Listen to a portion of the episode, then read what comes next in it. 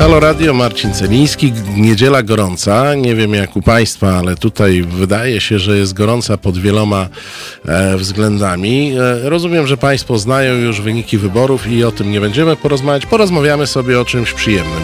E, chyba, że Państwo to oprotestujecie, to jednak będziemy rozmawiać e, o, wyborach. E, no, za minutę dziewiąta, więc za minutę powinno być tak, że czegoś się dowiemy. Oczywiście nie poznamy wyników wyborów, e, poznamy badania Exit Poll, e, czyli badania wyborców, którzy wychodzili i byli łapani przez ankieterów e, pod lokalami wyborczymi. No ale ostatnimi czasy no, było parę przestrzałów, niemniej przeważnie z dokładnością do 1-2% e, te badania nam coś pokazywały i już są, proszę Państwa, pierwsze. Andrzej Duda 41,8%, Rafał Trzaskowski 30,4%, e, pan Hołownia 13,3%, Krzysztof Bosak 7,4%, e, Robert Biedroń 2,9%. A... I to, proszę Państwa, są e, wyniki, które e, są podane na bazie e, badań pracowni Ipsos. No i jeszcze tą stawkę, czołówkę zamyka Władysław Kosiniak-Kamysz e, 2,6%. e. Ja mam taki podgląd, e, Państwo też go pewnie e, zobaczą. We wszystkich sztabach się cieszą, czyli to musiały być dobre wybory, ponieważ wszyscy są generalnie zadowoleni. Widzę w tej chwili sztaby Andrzeja Dudy i Rafała Trzaskowskiego, czyli tych pierwszych dwóch, są zadowoleni.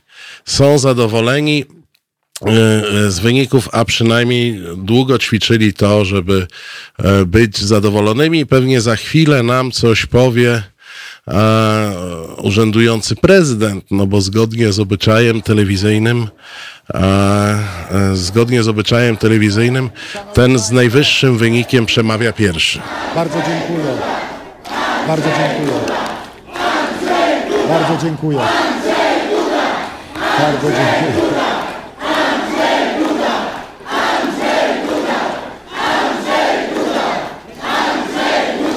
Bardzo dziękuję. Jak słyszymy, zwolennicy Andrzeja Dudy nie dają mu dojść do głosu. Bardzo dziękuję. Szanowni Państwo, bardzo dziękuję.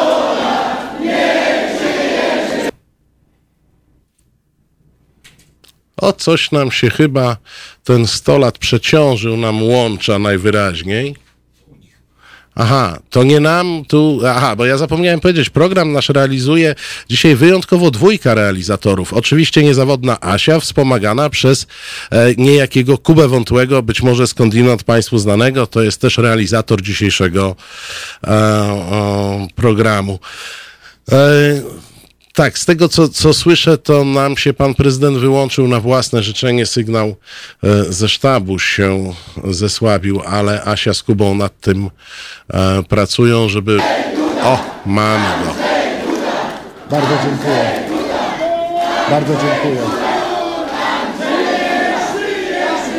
Bardzo dziękuję. Szanowni Państwo, bardzo dziękuję.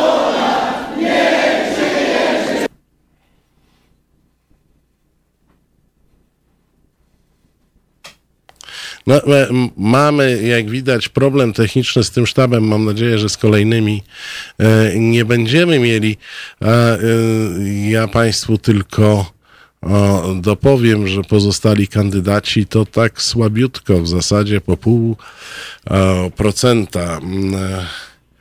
W związku z czym na pewno mamy pierwszy wniosek z tych dzisiejszych wyborów, a mianowicie taki, że mamy drugą turę. E, Ponieważ wbrew e, oczekiwaniom e, urzędujący prezydent nie uzyskał 50% e, w turze pierwszej. Państwo chyba obserwują wzmagania nasze z, ze streamem ze sztabu Andrzeja Dudy. Bardzo dziękuję. A Nic żeśmy nie stracili, bo jak widać cały czas jest Bardzo stola. dziękuję. Szanowni Państwo, bardzo dziękuję.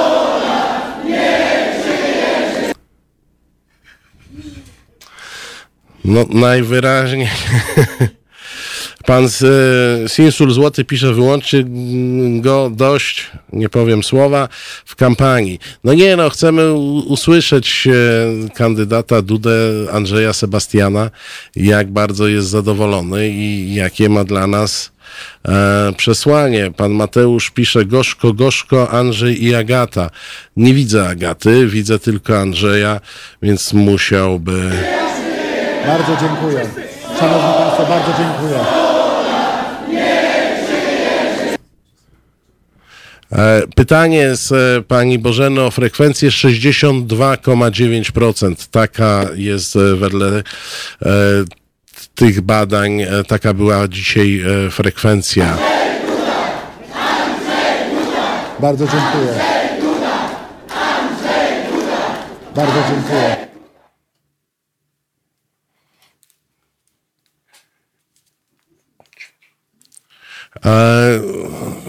Czekamy, aż przebrniemy przez to o, 100 lat. Zaplanowaliśmy program tak chytrze, żeby jednak dać głos e, e, kandydatom, e, żeby mogli się e, wypowiedzieć, ale najwyraźniej e, technika nie wytrzymuje. A pan Mateusz pisze, dziś wróciłem z wesela, także jeszcze mi się udziela. To oni, e, panie Mateuszu, ci tam w tym sztabie Dudy, to z panem na tym weselu było, byli, no to, to musiało być niezłe, e, musiało być niezłe e, e, wesele. Tak, tu jest Słowicz, tu jest Polska. Łowicz. Powiedziałbym, powiedziałbym nawet więcej, proszę Państwa. Tu jest Łowicz, tu jest serce Polski, bo Łowicz leży w środku Polski, tu jest blisko także serce Europy.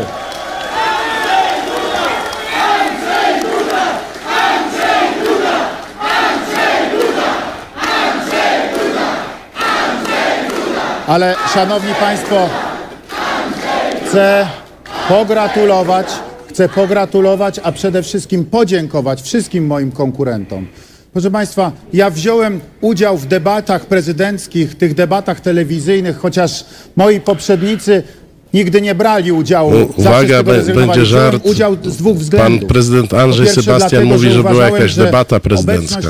urzędującego prezydenta Rzeczypospolitej ubiegającego się o reelekcję to kwestia szacunku dla Polaków, to kwestia szacunku dla wyborców.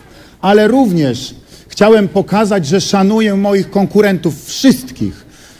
To było dla mnie bardzo ważne, dlatego że trzeba mieć, proszę Państwa, odwagę i determinację, żeby wystartować w wyborach prezydenckich. To jest zawsze poświęcenie, to jest zawsze wielka praca, to jest zawsze także i ludzkie poparcie, bo przecież trzeba zebrać podpisy. Dziękuję wszystkim moim konkurentom, że uczestniczyli w tej kampanii. Dziękuję, że prowadzili tę kampanię. Dziękuję, że byli w wyborach, że pokazali, że mamy dużą liczbę kandydatów na prezydenta w naszym kraju, że wybory prezydenckie są czymś poważnym. Gdyby nie to, prawdopodobnie nie byłoby takiej frekwencji. Był ogromny wybór, było w sumie razem ze mną 11 kandydatów, spośród których można było wybrać swojego faworyta i tak się, proszę Państwa, stało. Ja dziękuję wszystkim tym, którzy mnie poparli za to, że, że, że, że mogłem wygrać tą pierwszą turę wyborów z takim wynikiem. Ale proszę Państwa, ja dziękuję również wszystkim innym, którzy po prostu byli do wyborów i oddali swój głos. Dziękuję także moim konkurentom i gratuluję im tych głosów i tych wyników, które otrzymali. Gratuluję, tak jak powiedziałem, panu Rafałowi Trzaskowskiemu, ale gratuluję także panu Krzysztofowi Bosakowi, gratuluję e, panu Robertowi Biedroniowi, gratuluję panu Pawłowi Tanajno, e, gratulu, gratuluję panu Markowi Jakubiakowi, Gratuluję panu Szymonowi Hołowni. Gratuluję, tak, gratuluję. Gratuluję panu Waldemarowi Witowskiemu. I dziękuję. Dziękuję. Dziękuję także Władysławowi Kosiniakowi Kamyszowi. Proszę Państwa, może już Dziękuję. e, starczy Pana Proszę Prezydenta, Państwa, szczególnie, że my jako e, fani Dziękuję- telewizji dziękuję e, publicznej Dziękuję e, mamy go w dobrej pamięci i oglądaliśmy bardzo często w, ostatnich dniach. Może poszukamy jakiegoś innego kandydata, może mniej pokazywanego przez telewizję publiczną, to my byśmy go pokazali. Co tam słychać u Rafała Trzaskowskiego? że wybieranie prezydenta Rzeczypospolitej lat, to jest nasza wspólna również sprawa. I za to oceniają wszystkim dziękuję. niektóre I reformy, które. Daj mi tu, bo słyszę. Chcę jasno powiedzieć do tych wszystkich Polek i Polaków. Pamiętajcie, my w przeciwieństwie do dzisiaj rządzących wyciągamy wnioski z tego, co się w Polsce dzieje. I dlatego jeszcze raz chcę wam powiedzieć, że utrzymamy 500, że nie podwyższymy wieku emerytalnego, że 13 emerytura jest bezpieczna. Chcę to do was powiedzieć, dlatego że to nie ja jestem waszym wrogiem. Mimo, że czasami tak prowadzą moi konkurenci kampanię. I wiedzcie jedno, że można mieć to wszystko, ale można mieć jeszcze więcej. Można mieć wspólnotę.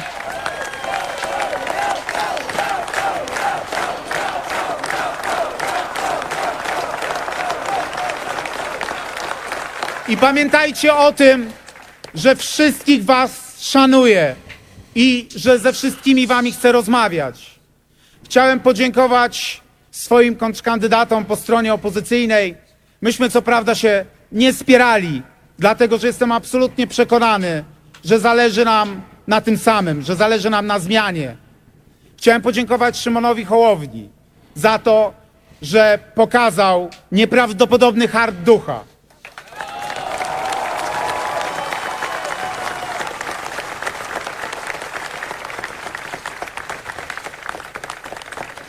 Potrafił zmobilizować bardzo wiele osób, które do tej pory nie chodziły na wybory.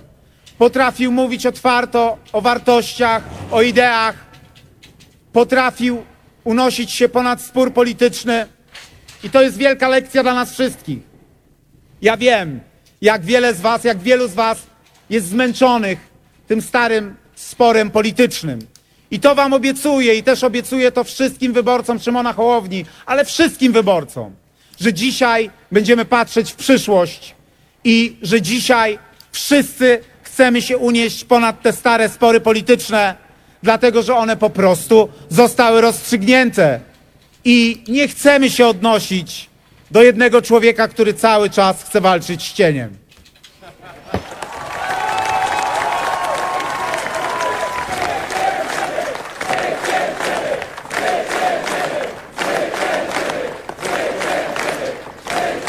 Chciałem się odnieść również do wyborców Krzysztofa Bosaka i do jego samego. Bardzo wiele nas różni.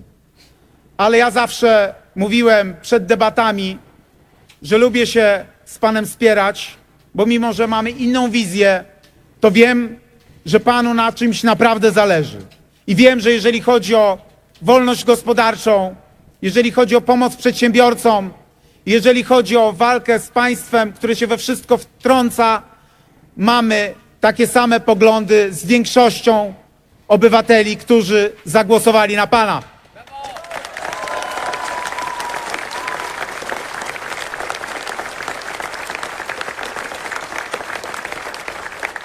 Chcę się odnieść do Władka Kosiniaka-Kamysza, z którym pracowałem wielokrotnie. Ja jasno chcę powiedzieć, że ja tylko mogę o Władku Kosiniaku-Kamyszu mówić same dobre rzeczy.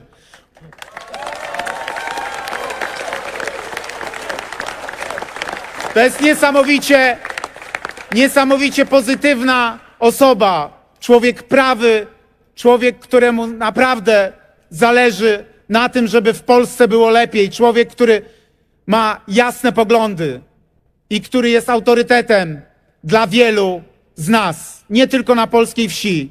I chcę się zwrócić też do wszystkich wyborców PSL-u. Tyle lat współpracowaliśmy razem i wiecie, że możecie na mnie polegać. I zawsze będziecie mogli na mnie polegać.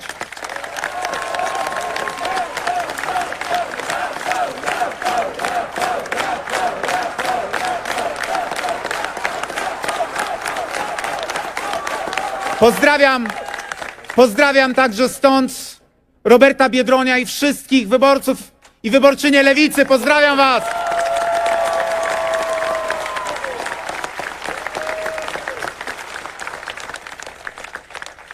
Pokazałem to w Warszawie i wiecie, że zawsze będę walczył z wykluczeniem, że zawsze będę stał tak samo jak lewica od niepamiętnych czasów w Polsce stała przy wszystkich słabszych, przy wszystkich atakowanych.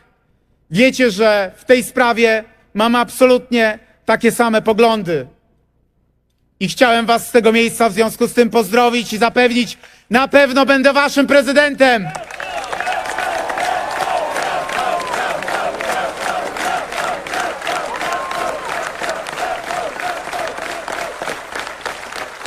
Szanowni Państwo, chcę jasno powiedzieć, że przed nami olbrzymi kryzys gospodarczy i będziemy się domagali od rządu, od pana prezydenta jasnych odpowiedzi. Jaki jest stan finansów państwa? Czy to prawda, że deficyt się zbliża do 100 miliardów złotych? Będziemy zadawali pytania o ratowanie miejsc pracy, dlatego że mam takie poczucie, że niestety rząd coś przed nami ukrywa i musimy o tym wiedzieć. Zasługujemy na debatę na ten temat. To był e, sztab e, Rafała Trzaskowskiego, który jak widać zaczął już łowić e, wyborców na drugą turę, chwaląc kolejnych swoich kontrkandydatów.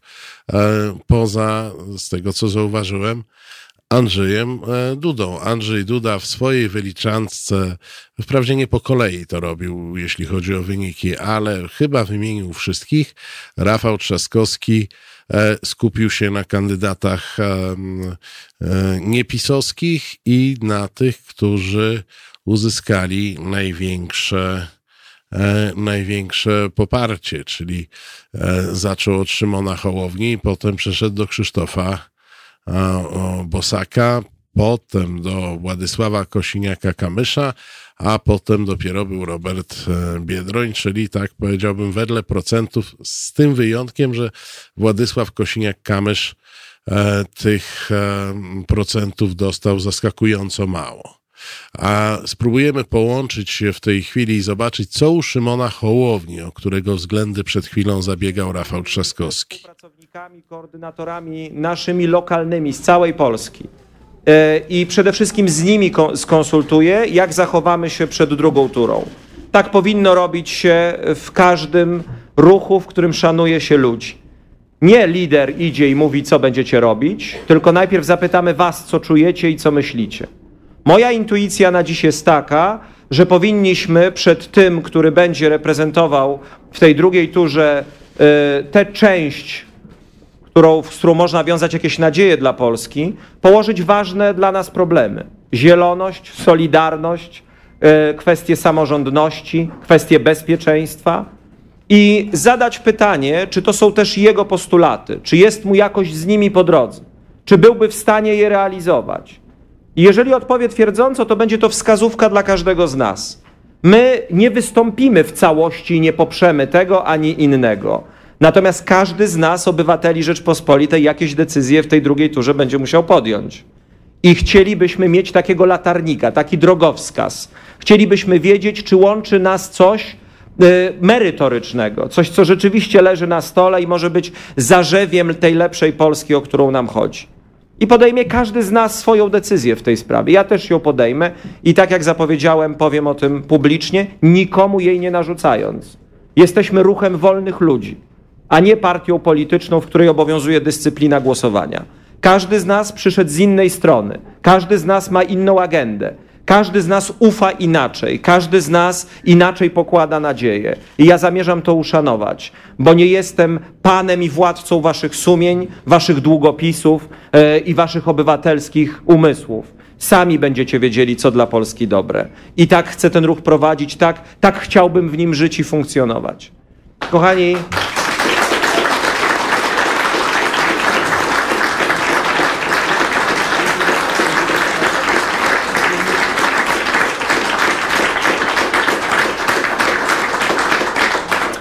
Ja wiem, że myśleliśmy, że będzie druga tura i y, ja też tak myślałem, że będziemy w stanie to zrobić, nie tylko dlatego, że mamy najlepszy program I nie tylko dlatego, że mamy wspaniałych ludzi, ale również dlatego, że ja poradziłbym sobie z Andrzejem Dudą w drugiej turze. Po prostu dlatego.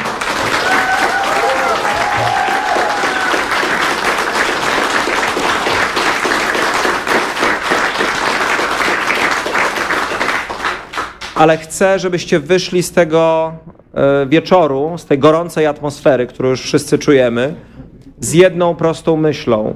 My nie możemy przestać. My się nie możemy zatrzymać. My już teraz po prostu musimy iść dalej. E, pójdziemy dalej i zrobimy tę robotę. I zrobimy ją dla naszych dzieci.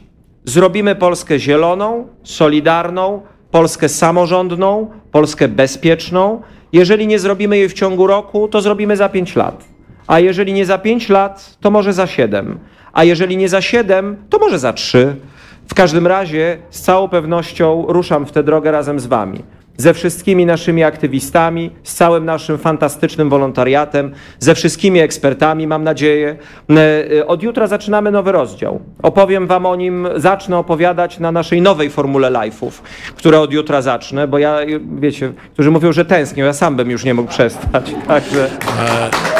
Szymon Szymon Hołownia, który wprawdzie jeszcze e, nie powiedział, że zakłada partię polityczną, ale powiedział, że nie zerwie z Facebookiem i ze swoimi codziennymi e, live'ami, no i że także zamierza e, kandydatom tym, którzy będą uczestniczyć w drugiej turze, zadać pytania różne na bazie odpowiedzi tych pytań wyborcy Szymona Hołowni będą podejmować decyzję, e, kogo poprą w drugiej turze. Mm, zdaje się, że tam pobrzmiewał pewien żal związany z tym, że chyba do końca Szymon Hołownia wierzył w to, że będzie w drugiej turze i że e, będzie mógł udowodnić nam, że e, może pokonać e, może pokonać Andrzeja Dudę. My w tej chwili szukamy połączenia ze sztabem e,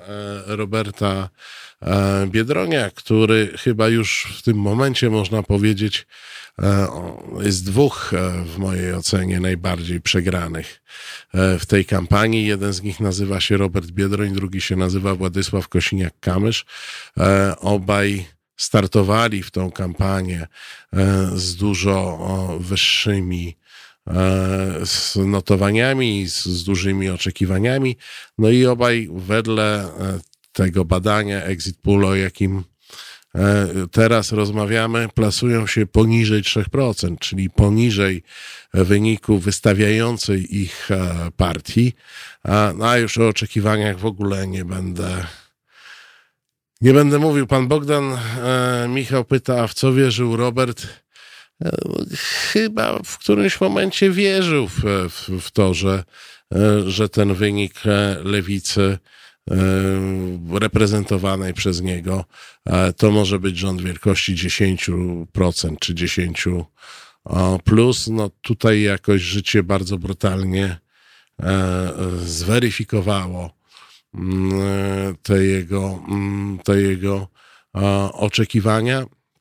E, I nawet e, trudno powiedzieć, e, niektórzy z komentatorów mają taką tezę, że Robert Biedroń nie był przekonany do tego, żeby, że widać było w nim, że nie wierzy za bardzo w tą swoją kampanię i w ten swój sukces i że to E, dawało się wyczuć. Niektórzy mówili, że coś ze sztabem było nie tak, niektórzy mówili, że e, partie tworzące lewicę e, dosyć potraktowały kandydaturę Roberta Biedronia jak pozbycie się kłopotu i on sobie musiał tam jakoś radzić sam. Ja myślę, że odpowiedź jest moja, moja teza na ten temat i moja odpowiedź na ten temat jest taka, że to nie jest ten Robert e, Biedroń, który był dwa lata temu, który był świeży, e, przebojowy. To jest Robert Biedroń już po przejściach i w dodatku po przejściach, które nie dawały mu wielkich, e, nie dawały mu wielkich sukcesów. Pan Bogdan pyta, to po co startował?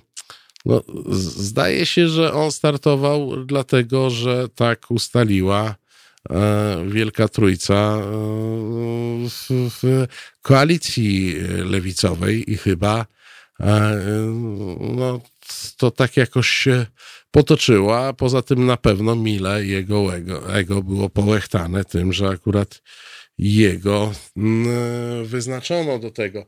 Jak stoimy z tym Biedroniem, Asiu?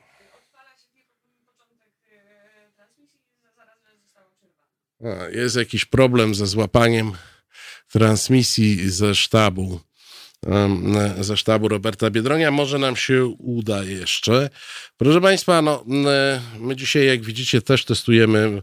Nie tylko ta pierwsza tura jest e, testem przed drugą turą do jakiegoś stopnia, ale także my e, e, testujemy trochę możliwości techniczne, które w pełni wykorzystamy przy wieczorze wyborczym związaną e, z drugą turą, no bo te wyniki, o których e, mówimy, wskazują na to, że po dzisiejszej gorącej niedzieli, ta niedziela e, za dwa tygodnie e, to będzie e, niedziela, e, to będzie niedziela równie gorąca, równie ciepła. O tym będziemy e, rozmawiać e, po wpół do z naszymi e, komentatorami, e, analitykami, e, którymi, którymi będą znane Państwu e, także z anteny Halo Radio.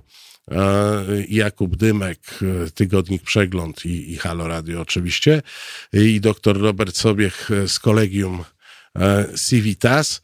E, Połączymy się też e, z przedstawicielami e, sztabów wyborczych e, z prośbą o ich e, komentarze. Aha, mamy Roberta Biedronia.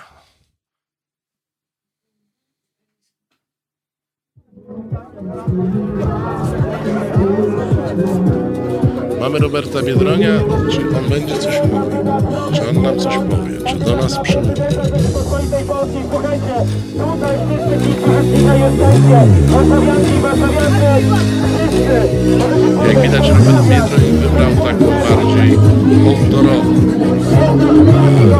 pokazywania się i e, przez to dobrze go widać, a słabiej słychać.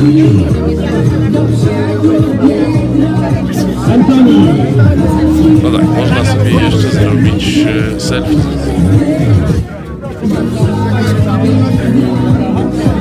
Ale deklaracji politycznych e, deklaracji politycznych w tym za bardzo e, nie widać. E, No jest e, przyjemnie, sympatycznie. Powiedziałbym, że jest tak przyjemnie, jak można by było podejrzewać u kogoś, kto wszedł do drugiej tury. Taka atmosfera, zrobić sobie, zrobić sobie selfie z kandydatem i kandydat uśmiechnięty, a chyba nastroje w lewicy dzisiaj generalnie nie są e, e, i nie powinny być e, i nie powinny być e, tak radosne. Tak mi się przynajmniej e, wydaje.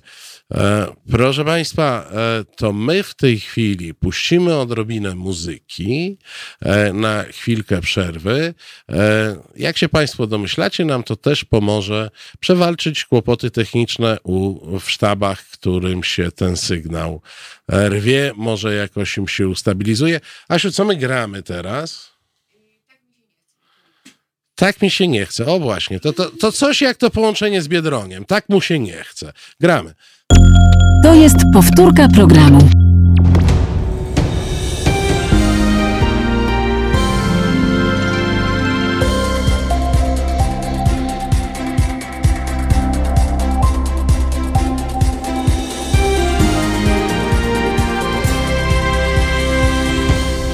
Halo Radio, Marcin Celiński, gorący wieczór wyborczy, a z nami już chyba na łączach e, komentatorzy. E, Robert, dr Robert Sobiech, Kolegium Civitas. Słyszymy się? Tak, dobry wieczór. Dobry wieczór. E, I znany nam Jakub Dymek, Tygodnik Przegląd i Halo Radio. Kuba, słyszymy się? Dzień dobry, dobry wieczór, cześć. O, bardzo się cieszymy. Czyli wszyscy się... Ja cię Marcin nie słyszę. Wszyscy halo, się, halo. Tak, wszyscy się słyszymy. E, to zacznę od e, Roberta. Robert, jesteś trochę zaskoczony? Nie. Szczerze mówiąc, y, jak przyglądałem się ostat... sondażom z ostatnich kilku tygodni, to właściwie ten wynik jest spójny z tym, co one, co one przewidywały, czyli frekwencja na poziomie mniej więcej 60%, w procent, obecny prezydent na granicy 40%, w, w Rafał Trzaskowski 30% i to jest trochę lepiej niż pokazywały, niż pokazywały sondaże, a reszta właściwie podobnie. Natomiast to, jeśli chodzi o sam rozkład głosów, nie jestem zaskoczony. Owszem, w, e, oczekiwałem, że frekwencja będzie wyższa. No, na razie mamy tylko tę exit polową, czyli w, jakby sondażową frekwencję na poziomie prawie 63%. No to, to jest tak właściwie o jeden z kawałkiem punkta procentowego więcej niż w wyborach parlamentarnych w 2019 roku i e, ja już nie mówię o odsetkach, ale o liczbie głosów oddanych na poszczególnych kandydatów, ona jest mniej więcej no, przy, tych, przy tej dwójce porównywalna z tym, co, ci, co ich ugrupowania dostały w jesienią 2019 roku. Kuba, a ciebie coś zaskoczyła, czy też uważasz, że e, wszystko zgodnie z sondażami i w zasadzie nuda?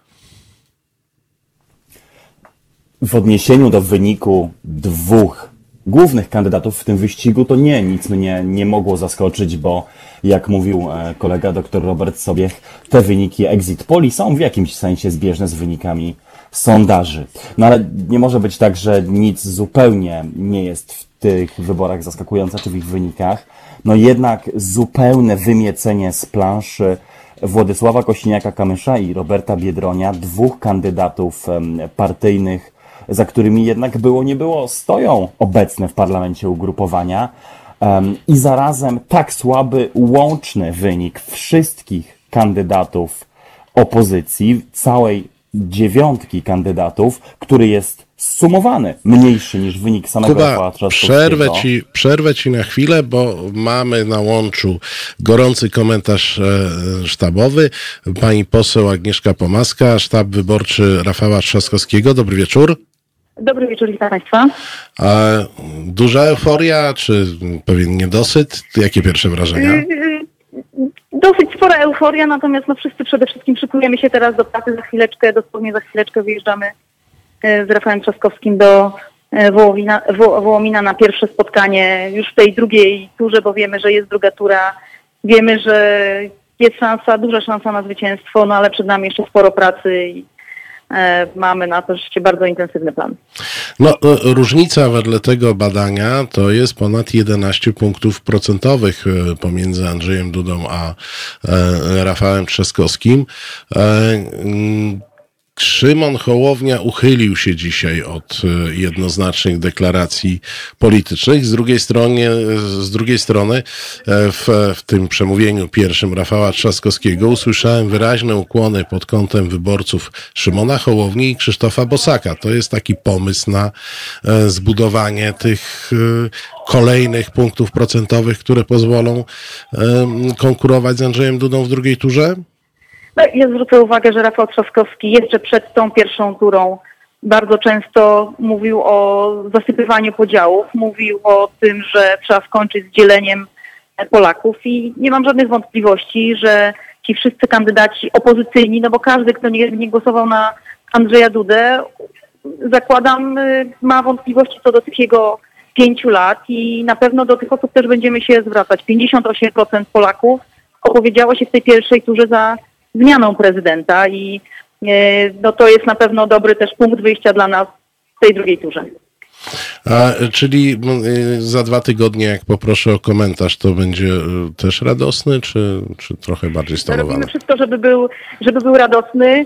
Mamy rzeczywiście bardzo dużą, nie mówię my jako, jako sztabowcy, ale jeżdżąc po Polsce, czy nawet dzisiaj na tym spotkaniu tutaj w Warszawie. Widzimy tę ogromną wiarę w zwycięstwo, ale przede wszystkim taką nadzieję, która obudziła się w Polakach. Myślę, że też ta frekwencja jest tego dowodem. Zobaczymy, jaka frekwencja będzie na nie, ostatecznie, dlatego że mam takie wrażenie, że były takie dwie fale, yy, dwie fale głosujących, to znaczy rano były duże kolejki, ale też ja z mojego rodzinnego miasta, gdzie głosowałam rano z Gdańska, ale też z Gdyni, mam sygnały, że e, wieczorem stało się już w półtora kilometrowej kolejce i rzeczywiście ta determinacja do głosowania była wśród Polaków bardzo duża, za co też w tym miejscu im bardzo dziękuję.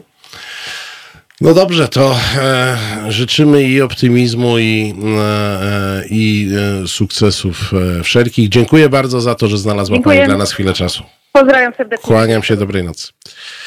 A, Kuba, jesteś? Jestem cały czas, słyszymy. No to przerwałem Ci brutalnie, ponieważ mieliśmy to szybkie e, połączenie, ale oddaję Ci głos. Przerwałeś mi w momencie, gdy wygłaszałem myśl tak banalną, co wydaje mi się jednak konieczną. Duopol nie został przełamany, polaryzacja polityczna dalej rządzi naszymi wyborami. E, Mówiłem i powtórzę to, dziewięcioro pozostałych kandydatów opozycji miało łącznie mniejsze poparcie niż Rafał Trzaskowski. Szymon Hołownia, który wbił się na podium i osiągnął przyzwoity wynik, e, przynajmniej tyle mówią exit pole, 13,5%, wciąż miał mniej o 7 blisko punktów procentowych niż 5 lat temu Paweł Kukiz. No, co nam to pokazuje? Pokazuje nam to, że wbrew nadziejom, które odżywają co kadencję i co wybory, Polska zbliża się, nawet jeżeli nie do konstytu- konstytucyjnego, to faktycznego systemu dwupartyjnego na amerykańską modłę. Robert, to pytanie do ciebie. Bardzo wielu publicystów od bardzo wielu lat zrzyma się na ten duopol popisowy. E, Zrzymało się w momencie, kiedy wygrywała Platforma, a PiS zawsze był ten, ten drugi. E, Zrzyma się chyba jakby trochę mniej, kiedy wygrywa PiS, a Platforma jest tym, e, tym drugim. Znowu mamy polaryzację wokół dwóch kandydatów. Czy to oznacza, że w Polsce już przez najbliższe 20 lat nie będzie miejsca na trzeciego? No Myślę, że w, będzie miejsce na w, trzecią, trzecią partię, bo w, no, żeby popatrzeć tak w perspektywie kilku lat i, na, i odnieść do tego te wyniki, które, które, które, które żeśmy poznali teraz, e, no to jest tak, że PiSowi się udało przyciągnąć do siebie no mniej więcej 7,5-8 milionów ludzi i oni głosują na ten PiS niezależnie od tego, co by się działo.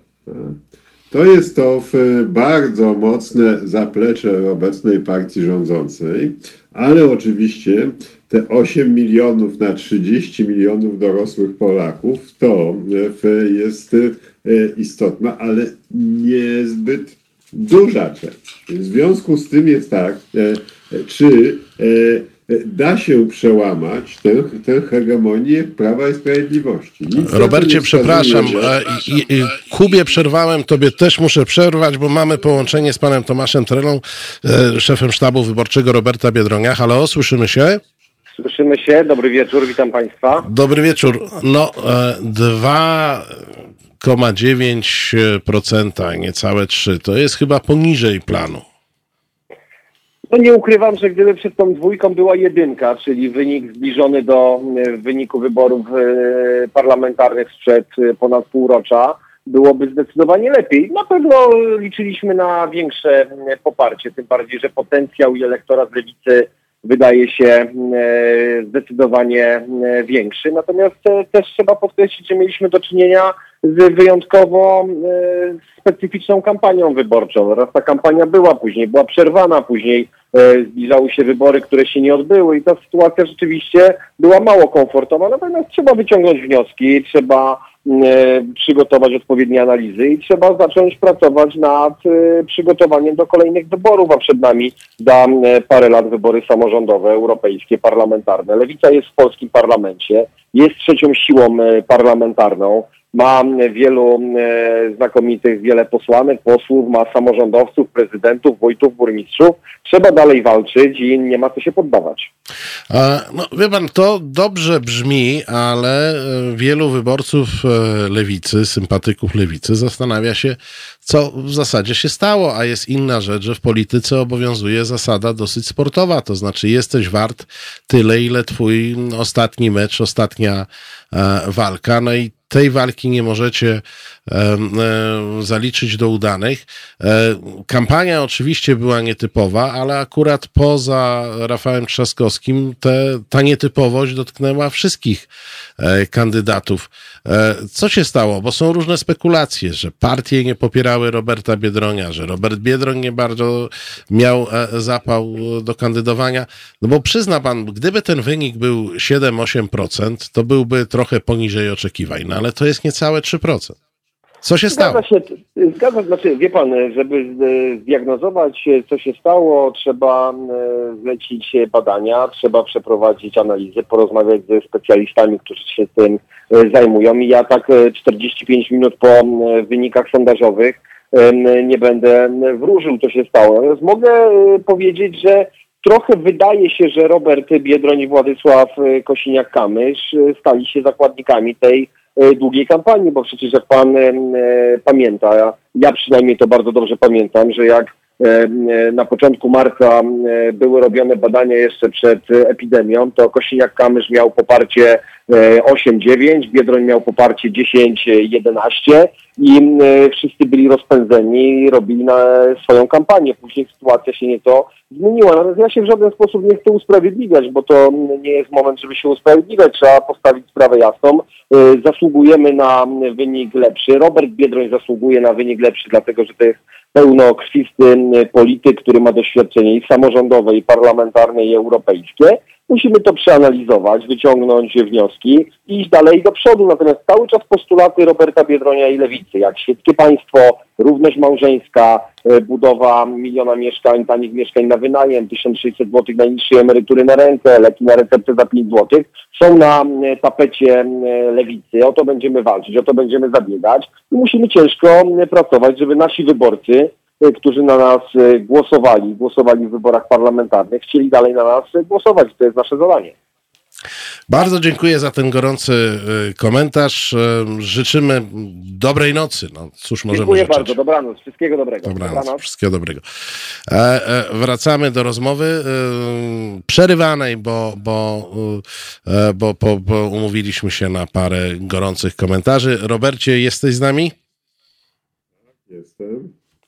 Słuchamy cię, przepraszam, przerwałem. Żebym, wrócił do głównego wątku, ale jeżeli już tak w kontekście tam kilka, dwa, trzy zdania komentarza do tego wyniku Roberta Biedronia.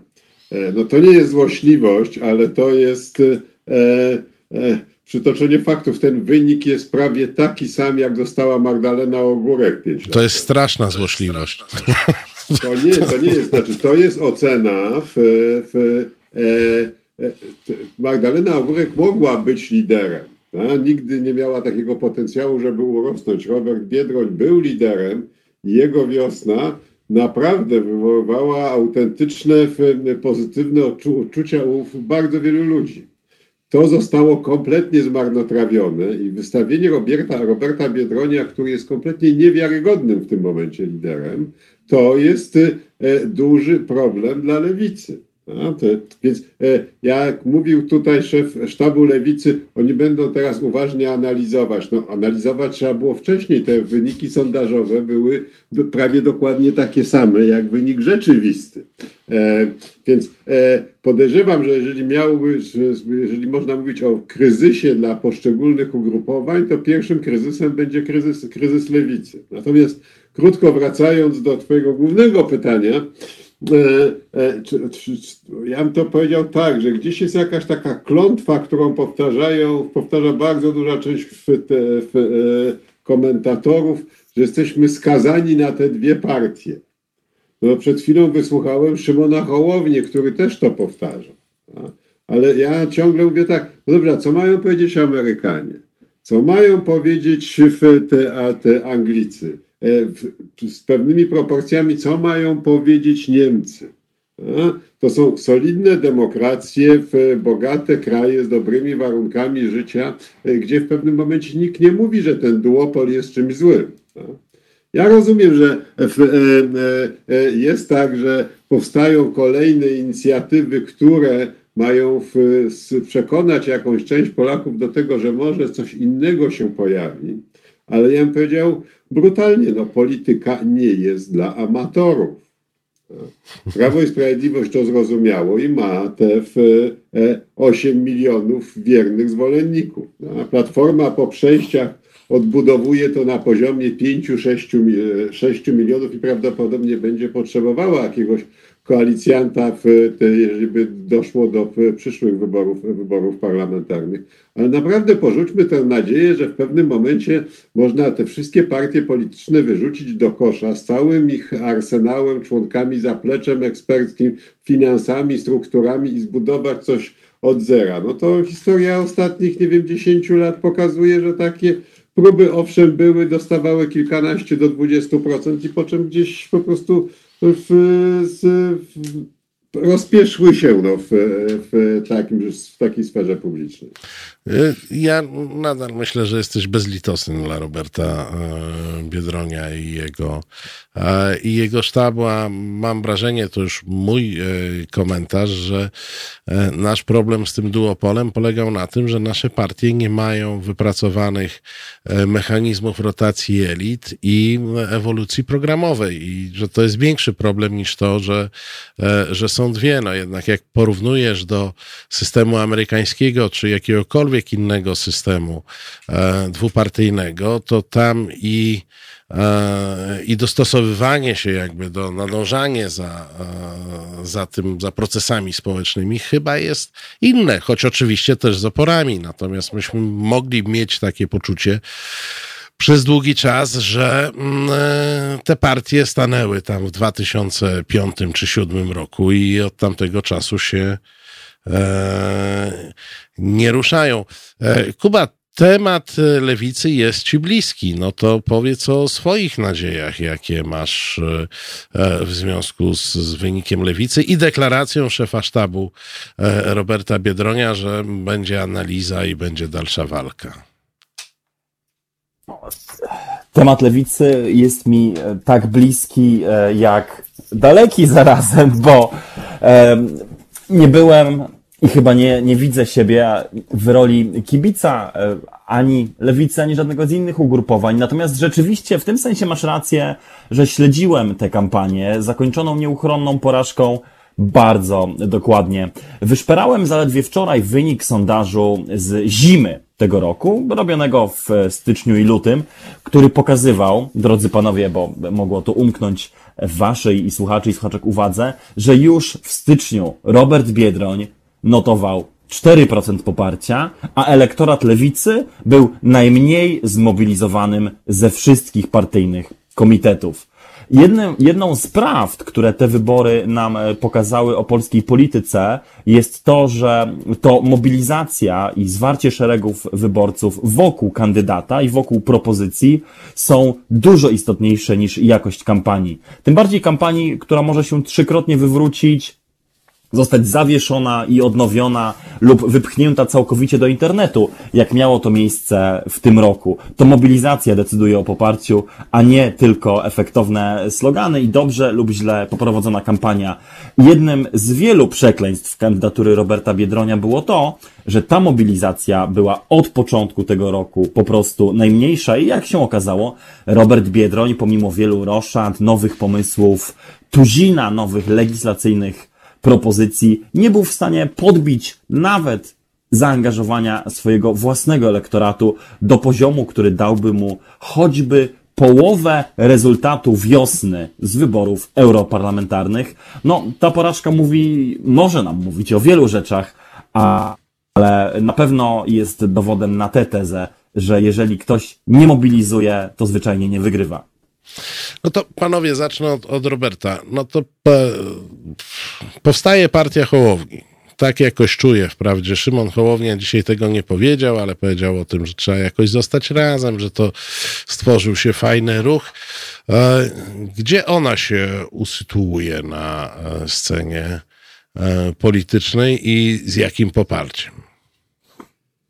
To jest oczywiście bardzo ciekawe. Ja w, e, e, w, z dużą uwagą słuchałem w, dzisiaj wystąpienia w Szymona Hołowni e, i wyraźnie ono jest nastawione na to, nie na to, kto wygra Wysłałem wybory prezydenckie, kto będzie prezydentem kraju przez następne pięć lat, ile na budowę swojego środowiska politycznego. Tam jednym z pierwszych zdań było to, że w, znowuż jesteśmy skazani na ten nieszczęsny podział. Teraz, w, jak ja sobie wyobrażam zwolenników w, w, Szymona Hołowni, e, no to za dwa tygodnie oni mogą mieć bardzo wiele znaków zapytania, po co, a po co ja mam iść do tych wyborów, kiedy to utrwala ten podział PiS, e, PiS-PO, to nie moja bajka. No i teraz e, ja bardzo się zastanawiam e, w, w oparciu o co będzie Szymon Hołownia tworzył w, e, te swoje ugrupowanie. Czy w oparciu o jakąś bliżej niesprecyzowaną obywatelskość polityki, czy w oparciu o swój program, w, czy też w, będzie uważał, że to ma być partia, która, czy ugrupowanie, która wyraża niezgodę na ostatnich kilka lat rządów PiSu. Co będzie tutaj w, e, pew- takim, takim, takim spoiwem? E, Dostał w tym momencie 2,5 miliona głosów, to mniej więcej tak można, w te, te, można liczyć.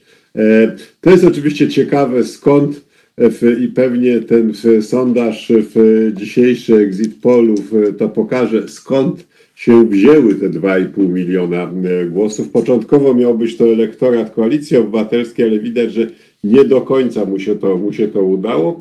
Być może jest to część lewicy, być może część jest to e, część, e, część, część PSL-u.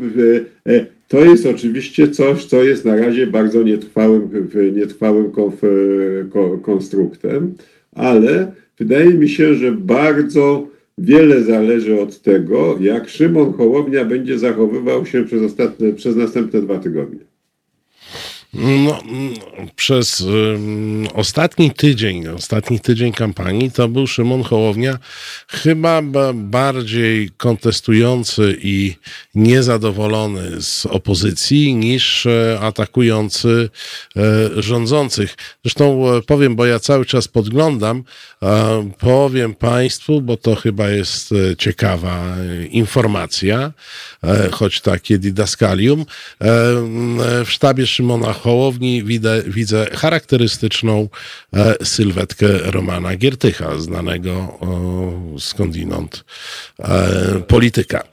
Gdzieś tam się kręci i jest bohaterem drugiego planu e, w tej chwili, co też e, mocno by e, wskazywało na to, że jednak jest to ruch obliczony politycznie. Szymon Hołownia ostatnio bardziej się skupił na krytyce Rafała Trzaskowskiego niż na krytyce Andrzeja Dudy, co może być problemem dla jego wyborców, żeby w ciągu dwóch tygodni to odwrócić, ale bardziej mnie interesuje, czy jego wyborcy są w stanie e, stworzyć, waszym zdaniem, e, ruch e, polityczny. No takie precedensy były. No, Andrzej Lechowski przegrany w wyborach prezydenckich tworzył Platformę. Wcześniej Tadeusz, w zamierzchłych czasach Tadeusz Mazowiecki po przegranych wyborach prezydenckich tworzył Unię Demokratyczną. Kuba, to będziemy mieć tutaj nową partię? No, chyba wszystko wskazuje na to, że będziemy ją mieć. E, Tak wynika wprost z deklaracji e, Szymona Hołowni, bo gdy mówi on o ruchu społecznym, to doskonale e, rozumiemy, że chodzi o formację polityczną, nawet jeżeli nie nazywającą się partią. Zresztą ty mówisz o tych precedensach, gdy przegrani kandydaci utworzyli skuteczne i obecne na, na trwałe w polskim systemie politycznym partie. Ja zaś przypomnę tylko, że ta chęć i pęd do tego, żeby e, te najbardziej spersonalizowane z wyborów, wybory prezydenckie, wyłoniły figurę charyzmatycznego lidera, który potem stanie się tą trzecią siłą, jest już w Polsce pewnego rodzaju rytuałem i nie bez powodu się do tego e, Kukiza, Pawła Kukiza sprzed pięciu lat odwołałem na początku naszej rozmowy. I bo znowu, to on i znowu chyba... ci muszę przerwać, bo mamy okazję zasięgnąć informacji u źródła. Naszym gościem e, zdalnym jest Michał Kobosko, szef sztabu e, Szymona Hołowni. Dobry wieczór. Witam, witam słuchaczy. No właśnie sobie tutaj plotkujemy i rozważamy, kiedy powstanie partia Szymona Hołowni i jak się będzie nazywała. No to jest e, coś, czego mogę pozazdrościć, bo ja na razie nie mam takich, prawdę mówiąc, ani problemów, ani, ani planu, który, e, czyli takiej odpowiedzi na pytanie, bo rozumiem, że w ten sposób zostało przez pana redaktora postawione pytanie. Szymon Hołownia ogłosił w czasie swojego wieczoru wyborczego, że rozpoczyna oficjalnie już e, tworzenie ruchu obywatelskiego, ruchu społecznego, który powstanie na bazie tego grona już ponad 15 tysięcy wolontariuszy, aktywistów, którzy włączyli się w nasze działania oraz kilkuset samorządowców z całej Polski, którzy postanowili go bardzo mocno wesprzeć w jego działaniach i którzy chcą z nim współdziałać. Więc to jest plan na dzisiaj. E, to słowo, którego pan użył, partia polityczna, nie jest e, w tej chwili w planie Szymona Hołowni. E, są plany związane z działalnością na polu obywatelskim, tak jak powiedziałem, tworzenie ruchu społecznego, ale partia polityczna w obecnych realiach, dzisiaj, przy dzisiejszym także kalendarzu wyborczym, nie jest czymś, o czym byśmy rozmawiali. Wrócę, wrócę na chwilę szybko do tych wyborów. E, te 13% e, to chyba jednak rozczarowanie. No, parę miesięcy temu wydawało się, że Szymon Hołownia będzie tutaj mocno walczył o drugą turę. E, tu jednak polaryzacja zadziałała. Zajął trzecie miejsce, ale jednak w dużej odległości od, od ubiegania się o drugą turę. To rozczarowanie Wie, wie pan, no, to jest z jednej strony rozczarowanie, bo tak, liczyliśmy na wynik około 20% i tak wskazywały sondaże.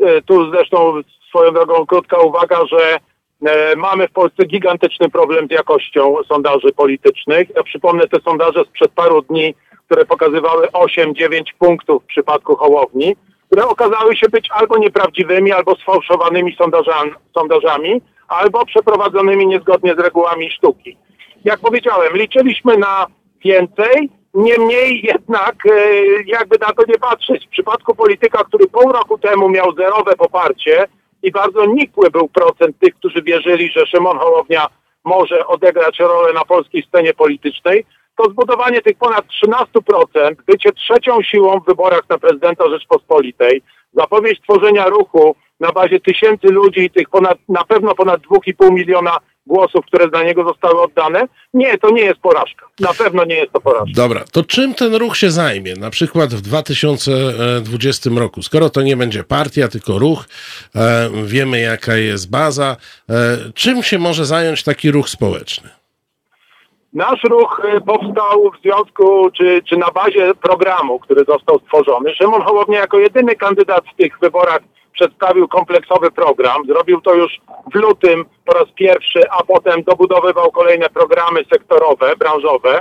I w ramach haseł, tych podstawowych haseł, które, które były na sztandarze Szymona Hołowni, czyli dotyczących Polski Zielonej, dotyczących e, Polski samorządowej, e, Polski demokratycznej, walki z wykluczeniami, walki o e, e no, odchodzenie od węgla w sposób racjonalny, a nie taki jak jak robi to w tej chwili rząd Prawa i Sprawiedliwości. Ten ruch będzie miał mnóstwo spraw do zajmowania się, także dlatego, żeby dopingować partie polityczne, które są w Sejmie, żeby się wreszcie zaczęły zajmować problemami poważnymi, zamiast tylko walczyć jedna z drugą. No niestety wy wygląda na to, że prezydentura będzie e, z racji takiego, a nie innego grona e, w drugiej turze, prezydentura będzie oznaczać dalszy ciąg walki Polski, Polski z Polską, to jest fatalne dla nas wszystkich. No ale tak wyborcy dzisiaj zdecydowali, że chcą, żeby nadal wojowały ze sobą dwie Polski, a nie ta wizja, którą przedstawiał Szymon Hołownia, godzenia ludzi między sobą i pokazywania wspólnych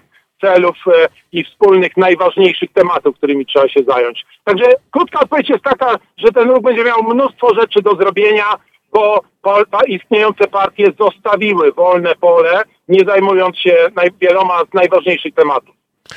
Bardzo dziękuję za tę wypowiedź. E, Wiem, że jest pan w trasie i, i w pracy, więc życzę dobrej reszty wieczoru. Wiem, że jeszcze nie odpoczynku. I również Państwu. Dziękuję bardzo. Kłaniam się, dziękuję bardzo. E, e, wracamy do, do naszej rozmowy. Panowie, znowu pytanie do Was. No, będzie ruch, e, który będzie działał na rzecz. Ja mm, obserwuję polską politykę mm, bardziej bądź mniej intensywnie od e, 30 lat i prawdę mówiąc, nie bardzo wiem, jak ma wyglądać działalność ruchu na rzecz i dopingowanie partii, które są w, Sejmie, żeby one wykonywały postulaty tego ruchu. To jest raczej gdzieś w modelu amerykańskim, o którym wspomniał Robert Sobiech, e, gdzie tam są różne stowarzyszenia, które motywują, e, motywują partię jedną bądź drugą e, i mają różne narzędzia motywacji. Jak w Polsce taki ruch ma wyglądać i jeszcze wytrzymać do czasu, kiedy będą jakiekolwiek wybory, żeby uzyskał moc sprawczą, nie całkiem wiemy, ale może wie Robert Sobiech. Ja bardzo uważnie teraz słuchałem szefa sztabu Szymona Hołowni i e, po raz kolejny ten przekaz, który mówi tak, my nie będziemy partią, która będzie wpisywała się w ten konflikt tych dwóch największych ugrupow, te, te ugrupowań, czyli generalnie do swoich obecnych wyborców, tych właśnie w, tych 2,5 miliona wyborców będzie, zdaje się, Szym- Szymon, Szymon Hołownia i jego sztab mówili tak, to nie jest wasza bajka. Wy się nie ścigajcie w tym momencie. Nie jest ważne, kto będzie prezydentem, prezydentem Polski przez następne pie, te pięć lat. My będziemy budować coś od nowa obok tego dużego, dużego konfliktu. No, my będziemy przekonywać uczestników tego konfliktu, że może my mamy rację, ale moim zdaniem jest tutaj ukryte założenie. To znaczy, przy takiej postawie i przy takim braku apelu do swoich wyborców, które by mówił dobrze, ale może to jednak opozycja ma rację, że kontynuacja państwa PiS nie jest najlepszym pomysłem, e, to jeżeli czegoś takiego się nie powie, no to znaczy, że po pierwsze bardzo wzrastają szanse dla prezydenta Dudy, żeby przez pięć lat miał kolejną kadencję, bo ele- w znacznej części ten elekt te 2,5 miliona zostanie, zostanie zdemobilizowany. Co jest oczywiście niesprawdzonym założeniem, ale w, gdyby idąc w, tropem, tropem tej myśli, powiedzieć sobie tak, e, że jaki jest ewentualny przyszły zysk polityczny, no to w, wiadomo, że jeżeli Rafał Trzaskowski nie wygra tych wyborów, bardzo prawdopodobnie jest kryzys Platformy Obywatelskiej, są zbliżone elektoraty. Więc bardzo prawdopodobne jest, że Szymon Hołownia chce poczekać w, na to, co się zdarzy w, po, po, po, 12, po 12 lipca, tylko że w, moim zdaniem w, jest to tak, że w, czy media, czy politycy partii opozycyjnych powinni zapytać się Szymona Hołowni, w, co chce, żeby zrobili jego zwolennicy 12 lipca i co on sam zrobi 12 lipca. No, on dzisiaj w tym swoim wystąpieniu powiedział, że najpierw zada mnóstwo pytań, usłyszy odpowiedzi i podejmie jakąś decyzję, którą upubliczni. Kuba, czy Szymon Hołownia jest dla ciebie nadzieją polskiej sceny politycznej? Nie, nie jest dla mnie nadzieją w osobistym sensie. Nie jest też dla mnie nadzieją, e, w której lokowałbym, w której upatrywałbym czegoś, co odmieni kształt polskiej sceny politycznej, bo już chyba kilkukrotnie wszyscy trzej tu obecni powiedzieliśmy, że, że to jest pewnego rodzaju rytuał, który się powtarza. Natomiast e, rzecz jasna, mocne i twarde stawianie przez e, Hołownię i jego sympatyków merytorycznych i wiążących warunków pozostałym kandydatom może być olbrzymią zmianą im plus. Ponieważ jak bardzo byśmy się nie irytowali różnymi irytującymi pomysłami czy działaniami Hołowni i jego sztabu w trakcie tej kampanii, to merytorycznych propozycji i przywiązania do kształtowania swojego programu w oparciu o dane, naukę i jakąś refleksję społeczną odmówić e, Hołowni i przede wszystkim właściwie należałoby powiedzieć jego doradcom nie można. I w tym sensie takie modne pojęcie evidence-based politics, tak? Polityka oparta na danych, polityka oparta na, na prawdzie, e, jest ewidentnie e, czymś potrzebnym i jeżeli Hołownia miałby posłużyć wyłącznie temu, żeby być nośnikiem takiej polityki opartej na faktach i kimś, kto bardziej w tę stronę przepchnie pozostałych uczestników tej gry, to owszem, widzę w tym, widzę w tym pewną zaletę. Natomiast oczywiście, tu zaraz oddam głos, ale zaznaczę, że mnie ta populistyczna obietnica radykalnego przełamania duopolu po prostu nigdy nie przekonywała, bo nie wierzyłem nigdy też w polityczne startupy. No, panowie, to zostawmy na chwilę ten ruch Hołowni. Mm, Bardzo mnie interesuje, co myślicie o wyniku e, Krzysztofa Bosaka, bo zdaje się, że Krzysztof Bosak też liczył na trochę więcej e, i że jakiś plan rozszerzania wpływów Konfederacji i takiego mainstreamizacji, że użyję takiego e, niezgrabnego słowa, e, Konfederacji nie całkiem, e, nie całkiem chyba wypalił. Robert sobie. Ja uważam, że to jest bardzo solidna podstawa, podstawa do, do rozwoju Konfederacji, jeśli ten Krzysztof Bosak będzie jej liderem i nie pokaże się, bo w tej chwili też trochę podglądam, w, właśnie jest na ekranach jednej, jednej z telewizji i widzę twarze pozostałych liderów. No on dostał wedle tego sondażu powyżej 7,5, te, te, prawie 7,5 miliona głosów w wyborach parlamentarnych. Konfederacja dostała 6, 6,8, e, więc e, to tak, to jest, e, to jest pewien drobny progres. Oczywiście e, to jest próba tworzenia partii, która już za chwilę, jeżeli prezydent Duda by przegrał wybory, e, może okazać się takim języczkiem uwagi przy odtworzeniu ewentualnej nowej koalicji, ko- w- koalicji te, te rządowej.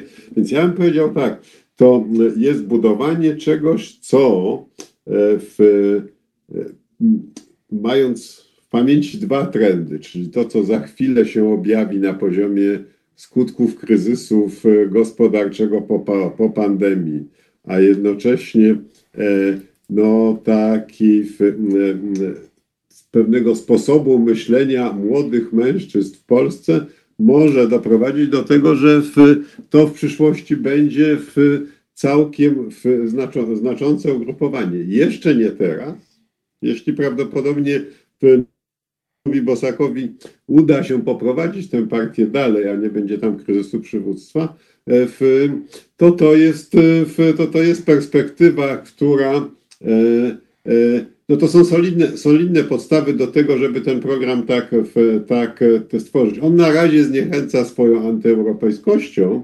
natomiast w sytuacji kryzysu gospodarczego on może powiedzieć tak, że dlaczego w tym momencie mamy ponosić kolejne daniny na rzecz państwa. Ten jego bardzo ostry liberalizm te gospodarczy dla pewnej e, części te młodych ludzi może, może być pociągający. E, Kuba, jesteś najmłodszych, e, najmłodszy z młodszych, e, z, z młodych mężczyzn dyskutujących. Tutaj Robert powiedział, że to będzie wiele zależało w Konfederacji od młodych mężczyzn, więc pytanie do ciebie, jak widzisz przyszłość Konfederacji? Dzisiejsi młodzi mężczyźni o radykalnie prawicowych poglądach to już trochę ginący gatunek. Oczywiście przesadzam, ale em, ten Starzeją się. socjologiczny fenomen ten socjologiczny fenomen radykalnie prawicowych postaw e, polskiej młodzieży jest już trochę so 2010, no, drodzy panowie i drodzy słuchacze, bo poglądy em, młodzieży ewoluują w kierunku lewicowym, szczególnie tym społecznie, ja nie lubię tego określenia, obyczajowo lewicowym, E, a e, twardy, prawicowy elektorat e, w każdej grupie wiekowej ma akurat w Polsce szeroki wybór.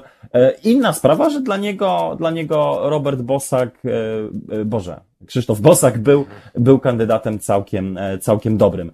E, Przyszłość Konfederacji oczywiście nie jest e, czymś, co do czego mógłbym wygłosić absolutnie sprawdzającą się i pewną i ugruntowaną w faktach prognozę, bo przyszłość Konfederacji jest uzależniona tak naprawdę od przyszłości Prawa i Sprawiedliwości, a tej jeszcze nie znamy, bo e, możliwy jest każdy z wariantów, także i ten e, węgierski, w którym dominująca pozycja bardzo silnej i obejmującej swoimi skrzydłami także bardzo radykalną prawicę partii, koniec końców odetnie sporo tlenu ugrupowaniom próbującym obejść ją od prawej. I to, to, jest także, to jest także możliwe. A demografia w Polsce wcale na rzecz takiej młodej, radykalnej, alternatywnej prawicy nie musi działać aż tak skutecznie, jak jeszcze w poprzedniej dekadzie. Dziś, powtórzę się, ale, ale ten, ten genderowy i pokoleniowy podział rzeczywiście w młodszym pokoleniu będzie faworyzował także lewicę, również z wzrastającą akceptacją dla osób LGBT, która jest po prostu e, wręcz powszechna w najmłodszym pokoleniu Polaków i to, to doskonale, myślę, pokaże także odpływ młodszych wyborców od Andrzeja Dudy, który zobaczymy, gdy przeanalizujemy sobie ściślej te sondaże. Te wyniki, przepraszam. Panowie, na koniec tej e, rozmowy, no, musimy chwilę pogadać o, drugiej turze. Czy bo e, w komentarzach przewijało się, że jeżeli będzie różnica pomiędzy Dudą a Trzaskowskim rzędu 15%, no to wygrywa Duda, nie ma o czym mówić, szczególnie jak jeszcze Duda ma e, czwórkę, e, a e, Trzaskowski ma na przykład dwójkę jako pierwszą cyfrę z liczby swoich punktów procentowych.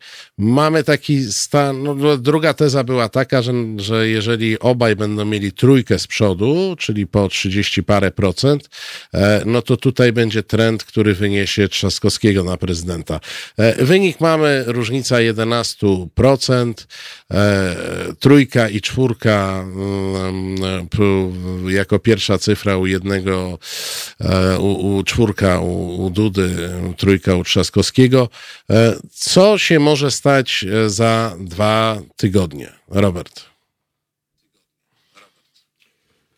No to trochę już wiemy, bo było sporo takich sondaży testujących te rozmaite te, te warianty. W, przy, ja patrzyłem na takie sondaże, które dawały możliwość odsiania tych, w, którzy mówili, że pójdą do wyborów, a nie poszli. Zakładałem, że to są takie symulacje, że 60% pójdzie. W tej chwili jest 63%, więc moim zdaniem jest to tak. No, ta, ta Andrzej Duda, jeśli chodzi o elektorat, wszystkich właściwie ma zamknięty. Ta te poprzednie sondaże pokazywały, że bardzo niewiele z ludzi, którzy głosowali dzisiaj na pozostałych kandydatów, dołączy do tego w, w, do w te, te elektoratu Andrzeja, Andrzeja Dudy. Są dwa znaki zapytania. Elektorat właśnie Krzysztofa Bosaka, czyli te, e, e, mniej więcej półtora miliona, jeżeli nawet by w, co, Tutaj sondaże pokazywały, były bardzo, bardzo rozbieżne, więc jeżeli nawet dołączyło w te, dołączył ten jeden milion, no to Andrzej Duda miał w granicach 9 milionów e, głosów, co byłoby na styku wygrania, zakładając, że frekwencja jest taka sama. Drugi wariant jest taki, że będziemy mieli powtórkę w, z, sprzed pięciu lat, czyli do drugiej, w drugiej turze pojawią się prawie dwa miliony nowych wyborców, którzy nie uczestniczyli w głosowaniu w pierwszym.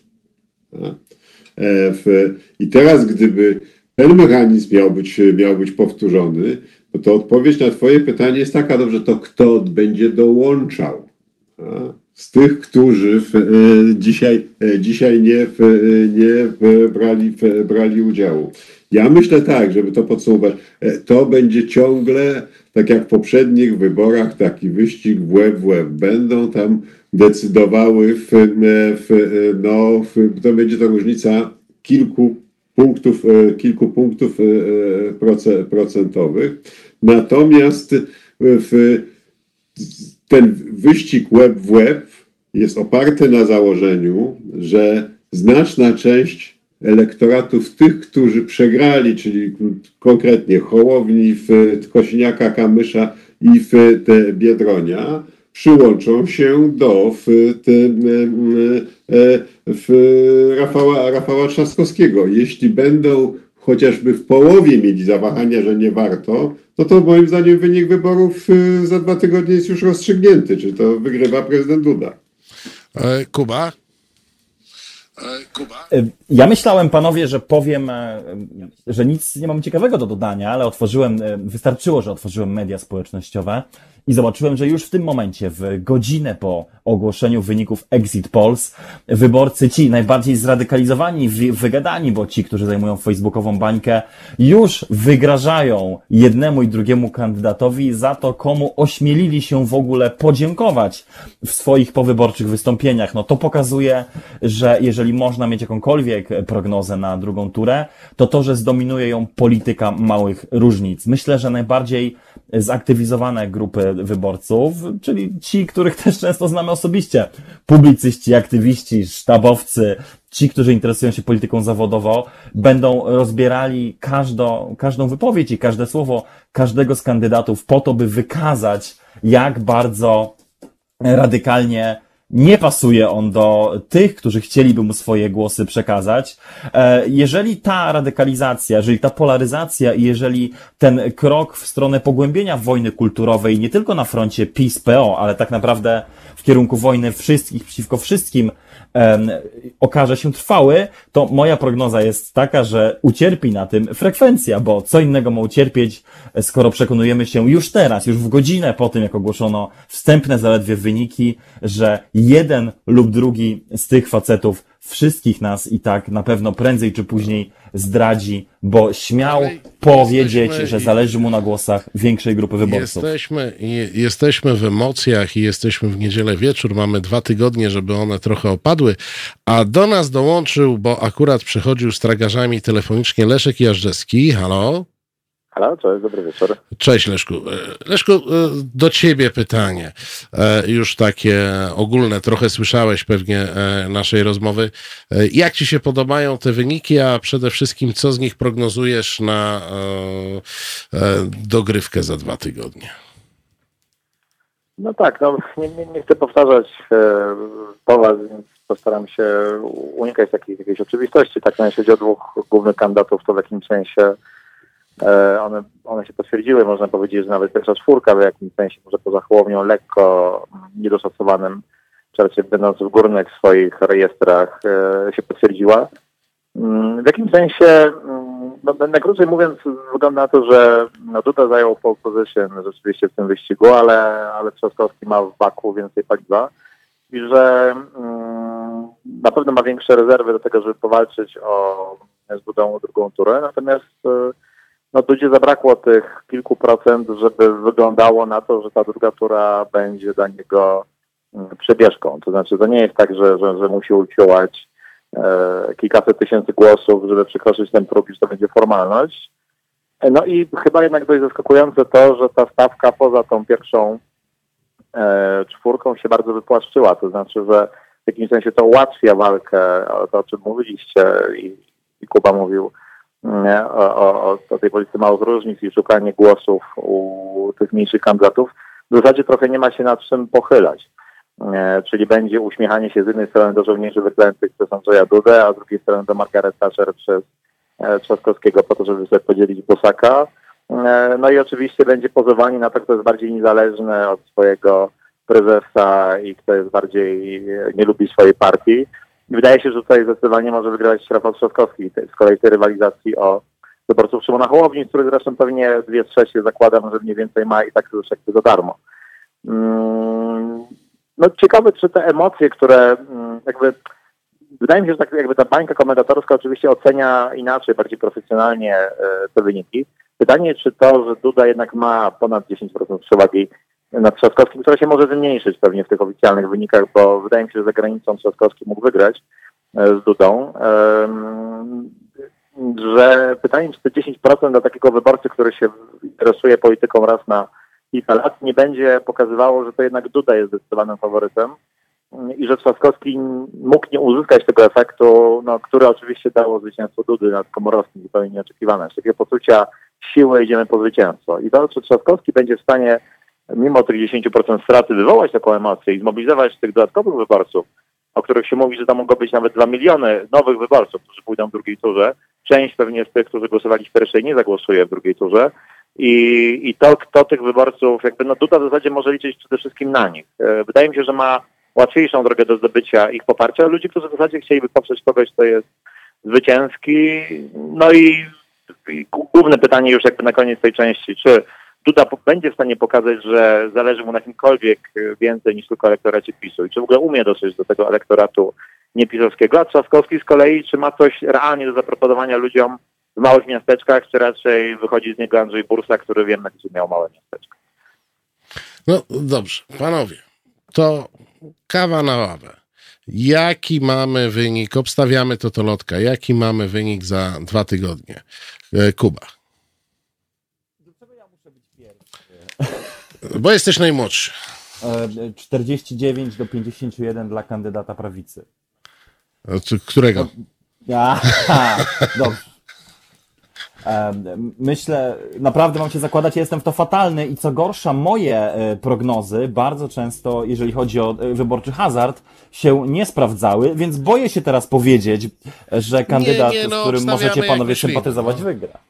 A, gdybym miał się zakładać o, o, z tobą o, o 5 złotych albo butelkę czegoś niedrogiego, acz, acz przyjemnego w spożyciu, to postawiłbym na 53 do 47 dla e, Rafała Trzaskowskiego. E, e, e, dobra. E, przy- zapisujemy. Robert? powtórzył ten, e, ten pierwszy rozkład, czyli 51 do 49 dla e, Trzasko, Trzaskowskiego, ale no, pod warunkiem zwiększenia frekwencji, bo teraz pewnie będzie e, czas na dodatkowe analizy, ale ja już z danych rzeczywistych Komisji Wyborczej wiem, że w, na przykład w Warszawie, Łodzi i Gdańsku głosowało mniej ludzi niż jesienią 2019 roku. Czyli wysoka frekwencja jeżeli była rano, tak, ale całodniowa się... Będzie jeszcze niżej, to moje, to, to mój typ będzie tylko takim myśleniem życzeniowym. Leszek Czech z Łodzi, która, jak mówi Robert, za słabo głosowała. Jak obstawiasz za dwa tygodnie? Słuchajcie, no w, w, w tym upale to rzeczywiście głosowanie i stanie w kolejce do głosowania było heroicznym wysiłkiem. W Łodzi nie ma żadnej rzeki, więc musicie wybaczyć udziałem, że być może nie, nie tak tłumnie stanęli. E, mm, ja obstawiałem i nie zmienia tutaj takiej mojego przeczucia, że będzie coś jakieś 51,5, 48,5 dla Andrzeja Dudy. E, gdzieś w tych granicach. E, no tak, tak, tak, tak, bym, tak bym strzelił, jeszcze nie widząc, jakie emocje będą w drugiej turze. Panowie, bardzo wam dziękuję. Ja to wszystko zanotowałem i za dwa tygodnie e, będziemy... Czy są e, nagrody e, przewidziane? Nie, są tylko kary. Ten, który najbardziej się, e, ten, który najbardziej się pomylił, będzie najbardziej schęto- schejtowany i tak będziemy e, stopnio, stopniować. Ten, który się nie pomylił w tym tyto- e, typowaniu, być może będzie słabo hejtowany albo nawet w ogóle. Ale w ogóle to w Polsce się nie zdarzy. E, bardzo Wam dziękuję za, za to dzisiejsze nasze spotkanie. E, dobrej reszty wieczoru Wam życzę. Do usłyszenia, dzięki. Do usłyszenia, dzięki. Również bardzo dziękuję za zaproszenie. Naszymi, naszymi gośćmi był Robert Sobiech, Jakub Dymek i Leszek Jażdżewski w ostatniej części e, rozmowy. My sobie, proszę Państwa, zrobimy w tej chwili krótki muzyczny e, przerywnik, po którym wrócimy i pogadamy jeszcze z niezawodnym Marcinem Dumą na ten temat, jak on widzi, e, jak on widzi e, te wyniki i te wybory. A teraz co my gramy? Wyspa, drzewo, zamek, perfekt. O, perfekt, tak. To, to, to tam jest chyba wszystko o niszczeniu. To tak pasuje do polskich wyborów, ym, bo tam się najpierw sadzi, potem buduje, a to wszystko i tak y, jest niszczone. Wyspa, drzewo, zamek, perfekt, a my za chwilę wracamy z Rafałem Dumą. Słuchajcie powtórki programu.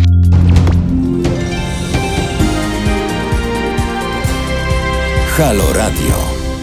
Halo Radio, wybier, wyborczy, gorący wieczór, a z nami kolejny gość, Marcin Duma. Halo. Halo, halo, dobry wieczór. E, pracowity dzień, czy odpoczywałeś dzisiaj? No, pracowity. Trzeba pójść zagłosować, potem martwić się o wynik wyborów, może niekoniecznie tak jak inni wyborcy, ale jednak. No, a czy martwiłeś się o wynik wyborów? Ale rzeczywiście, że tak. No to jest ten moment pracy e, badacza e, polityki, e, kiedy przynajmniej ta, ta część taka publicznie widoczna, znaczy i sondaże, no podlegają dość brutalnemu, mm, brutalnej weryfikacji przez rzeczywistość. No i powiedz, czego myśmy się dzisiaj dowiedzieli, czego byśmy nie wiedzieli na przykład tydzień temu, kiedy rozmawialiśmy o preferencjach Polaków? Um, znaczy, troszkę się wydarzyło. To znaczy, przede wszystkim, mm, kiedy rozmawialiśmy ostatnio, wspominałem o tym, że bardzo ważnym momentem będzie ten moment dzisiejszego wieczoru. No, chociaż tak naprawdę ważniejszy może będzie jutrzejszy poranek, czy to, co się wydarzy w ciągu dnia. Eee, mówię, czyli o ogłoszeniu wyników przez, przez PKW. No ale tu i teraz musimy założyć, że będą wyglądały takie jak wyniki exit poll. Eee, że te wyniki, tak jak my będziemy je oglądać, czy, czy już je widzimy, wytworzą pewną dynamikę na drugą turę. To jest pierwsza rzecz. Druga rzecz jest taka, e, że te wyniki, te bardzo konkretne wyniki, dadzą nam pogląd, kto ile ma do odrobienia, jeśli chodzi o drugą turę. No i tych rzeczy, zakładając oczywiście, że wszystko pozostanie tak, jak teraz to widzimy, e, te rzeczy już wiemy. Czyli wiemy, że taki wynik e, pierwszej tury daje dużo lepszą pozycję startową Rafałowi, Trzasko, Rafałowi Trzaskowskiemu. Pomimo tego, że jest na drugim miejscu, pomimo tego, że ma tam 11 punktów e, mniej niż Andrzej Duda. E, lepsza pozycja e, startowa, czyli rozumiem większy potencjał, ale to jest jednak 11 punktów procentowych. E, to jest e, duża przestrzeń. No i tutaj Państwo także na czacie zwracają uwagę na bardzo wysoki, na dziś jeszcze poziom emocji negatywnych wytworzonych przez końcówkę kampanii wyborczej pomiędzy wyborcami kandydatów opozycyjnych. No tutaj już nie pamiętam, bo ten czat mi szybko przeskakiwał. Ktoś się skarżył, że jako wyborca e, e, Hołowni był bardzo źle traktowany przez zwolenników e, Trzaskowskiego i, i tym podobne. Czy, czy, czy to jest na tyle silna emocja, że może dzielić tych wyborców w skali makro? Czy tutaj nam w sukurs idzie, e, idą badania jakościowe i ilościowe. E, jeśli chodzi o badania jakościowe, my wiemy, jaką, co, co, co kieruje wyborcami, czy co oni myślą, że nimi kieruje, a z drugiej strony, co tak emocjonalnie nimi kieruje, czyli nie do końca zdają sobie z tego sprawę, ale my to widzimy. Otóż e, oni, ci wyborcy opozycyjni, czy oni się będą wywodzić od Kośniaka Kamysza, czy będą się wywodzić od Hołowni, czy od, e, czy, czy, czy od Biedronia, e, oni chcą zagłosować na kandydata, którego my sobie roboczo nazwaliśmy nie Duda. Mhm. To nie znaczy oczywiście, że oni wszyscy 100% pójdą i zagłosują na niedudę. Będzie odsetek, no w zależności od tego, który, o którym z tych kandydatów mówimy, mniejszy bądź większy, e, wyborców, którzy albo nie pójdą do drugiej tury, e, albo w tej drugiej turze mimo wszystko wybiorą Andrzeja Dudę. I są tacy wyborcy. I u Szymona Hołowni są tacy wyborcy u e, no, Roberta Biedronia akurat takich nie obserwowaliśmy, e, u Kośniaka e, Kamysza. No ale celowo dopomijam jednego, jednego z, z kandydatów, mianowicie Krzysztofa Bosaka, no bo tak jak rozmawialiśmy ostatnio, jego elektorat no, jest ważny, ale on jest tak w pół drogi. Jak przysłuchiwałem się tym ostatnim wystąpieniom e, na przykład Roberta Winnickiego e, dzisiaj na wieczorze, który powiedział, że no tutaj Konfederacja, sztab, kandydat no nie zamierzają poprzeć nikogo, tylko pozostawią ten wybór mm, swoim wyborcom, niech oni tam sercem i rozumem decydują. To jest e, taki komunikat trochę przypominający komunikat Kukiza, który powiedział, że on nie będzie wskazywał, kogo, na kogo mają głosować. On co prawda dodał, że dobrze by było, gdyby nie głosowali na Komorowskiego jeszcze, a w drugiej turze mieli tylko wybór między Komorowskim a Dudą. No to oczywiście to nie padło, natomiast mm, to jest ukłon Konfederacji w stronę ich nowych wyborców, tych takich, którzy wcześniej byli wyborcami Platformy Obywatelskiej. E, czy, mm, bo mówisz o tym, że, że może nastąpić jakaś e, dodatkowa e, mobilizacja, czy druga tura przy takim układzie, przy takim wyniku pierwszej tury, przy jednak tej dużej odległości, to, to jest czynnik, który może zmobilizować wyborcę antypisowskiego czy antydudowego, jakbyśmy go nazwali, i możemy mieć w drugiej turze wyższą frekwencję, a co za tym idzie, będzie te 10 milionów głosów na, na Rafała Trzaskowskiego, które może dać mu zwycięstwo? Hmm, wydaje się, że w tej chwili, patrząc na te wyniki, e, do głosowania w wyborach mogą poczuć się bardzo zachęceni y, wyborcy, którzy no, chcieliby zmiany. Bo to niekoniecznie oni muszą nie, nie lubić Andrzeja Dudy, tak? E, to, to może być kwestia tego, że oni oczekują zmiany, że chcieliby, żeby ten, to, co w tej chwili się dzieje w polityce, było, było inne i tą zmianę w takim prostym dychotomicznym podziale, tak? Trzaskowski-Duda będą atrybuować e, Trzaskowskiemu, a kontynuację Andrzejowi Dudzie. E, jeżeli spojrzymy sobie na przykład na, na, na to takie rozróżnienie miasta różnej wielkości, y, wsie, to zobaczymy, że w tych wyborach tym głosowaniu dzisiejszym e, tak zwana prowincja. Nie lubię tego słowa, no, zróbmy taką, taki wspólny koszyk z takim, z takim napisem prowincja, gdzie włożymy wieś i, i, i małe miasteczka. Mm, to nie jest wcale taka mała grupa, bo to jest 60% Polaków mieszka w, takich, w takiej wielkości miejscowości. No i zawsze było uważane, że to jest, uważało się, że, że to jest miejsce, gdzie, gdzie mieszkają ludzie, którzy są zasadniczo wyborcami konserwatywnymi, czyli takimi wyborcami, których PiS może pozyskać, w tym przypadku Andrzej Duda. Co się stało? No dzisiaj obserwowaliśmy, że w, tych, w, tych, w, tym, w tej części, czy w tym kawałku Polski, czyli tej, tej polskiej prowincji, ta frekwencja była mm, całkiem dobra. Ona była wyższa niż w wyborach do, yy, do Sejmu. A jednak wynik Andrzeja Dudy jest gorszy niż wynik PiSu yy, do parlamentu. Duda dostał, jeżeli, oczywiście yy, bierzemy Tutaj pod uwagę... Przyjmujemy te dane, które tak. mamy, tak. On dostał mniej głosów niż PiS w 2019 roku. To jest pierwsza rzecz. E, druga rzecz jest taka, że i to pomimo tej większej mobilizacji. To znaczy, że tutaj kłania się nam mm, takie powiedzenie, tak, bądź ostrożny, czego sobie życzysz. Czyli jeżeli życzysz sobie większej mobilizacji na wsi, a nie jesteś pewien, czy to są twoi wyborcy, to może się stać z tego rzecz przykra. To znaczy, rywalizując o wozy strażackie, do wyborów niekoniecznie poszli wyborcy Dudy.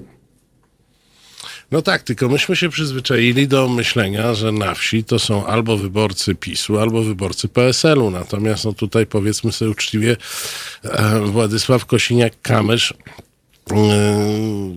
no, ma wynik, y, jest, y, no, ja to powtarzam od, od, od, początku, odkąd widzę te wyniki, to, to jest obok Roberta Biedronia, to jest dwóch największych przegranych tej kampanii, czyli mówisz, że na wsi obudził się jakiś wyborca, nie wiem, Rafała Trzaskowskiego czy Szymona Hołowni, no szukam jakichś większych liczb. Mhm. No, myślę, że tutaj będziemy widzieć e, obydwu, to znaczy i Rafała Trzaskowskiego i, i, i Szymona Hołownię. No, Szymon Hołownia w wyraźny sposób e, jakby pożywił się wyborcami mm, Kośniaka-Kamysza. My zresztą w badaniach obserwowaliśmy, że na tej linii e, Hołownia-Kośniak występują, występują prze, przepływy. No i to, co dzisiaj zobaczyliśmy, to kwestia decyzji tych wyborców, na którego z tych dwóch, mówię oczywiście o Hołowni i o e, Kośniaku, na, których, na którego z tych dwóch kandydatów się zdecydują. To jest też tak, że ta polska wieś to, no my mamy być może stereotypowy sposób patrzenia na nią, natomiast ona też ma swoje aspiracje.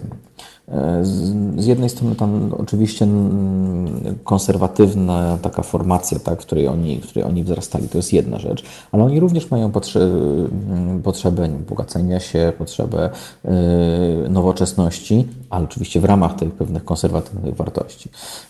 I, w jakimś stopniu taki, taki Szymon Hołownia im tą potrzebę zapewnił.